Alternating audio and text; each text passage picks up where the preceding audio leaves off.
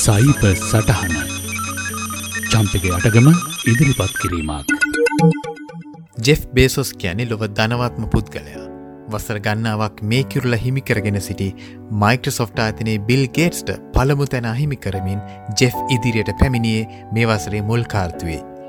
වාර්තාගත ඉතිහාසය තුළ පළමුුවෙන්ම ඇමරිකානු ඩොලර් බිලියන් සීය ඉක්ම වූ පුද්ගලයා එනම් ෆස්ට් එව සෙන්ටි බිලියනය බවට ජෙෆ් මේ එක්කම පත් වනා. ජෙෆ් බ්ලූ ඔරිජින් සහ වොෂිංටන් පෝස්ට් ආයතනවල හිමිකාරිත්වය දැරුවත් ඔහු ප්‍රධාන වශයෙන්ම මෙතරම් ආර්ථික සාර්ථකත්වයට පත් කළේ ඒ කොමර්ස් වෙබ් අඩෙව්වල දැවන්තයා වන ඇමසොන් ව්‍යාපාරය හරහා.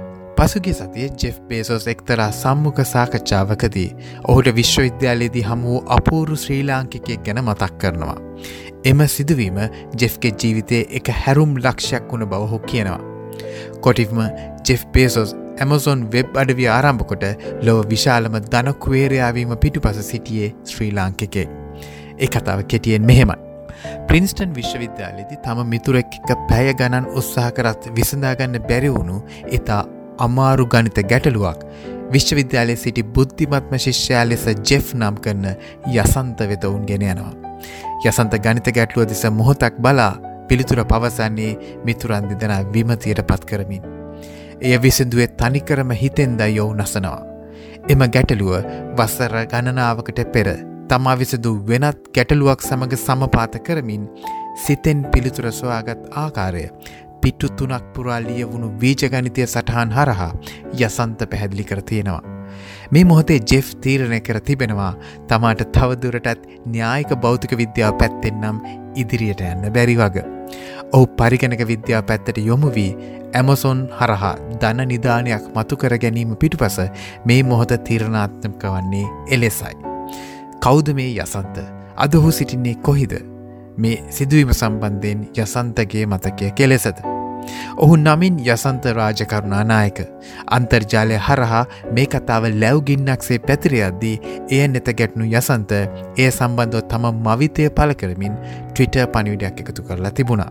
ඇත්තර මොහුට ආ ඊමේල් සහ පනිවිට ගණන එකවරම ඉහළයාම නිසා යසන්ත තමන්ගේ ගිනුම හැප්වීමකට ලක්වුණාදයි මුලදී තැතිගත් බවත් වාර්තා වුණා. ජෙෆ්ට තරම් විචිත්‍රවත්ව නැතත් මේ සිදුවම එද්දස් නමසි අසූ පහේ වසරේ සිදුව වග යසන්ත මතක් කරනවා.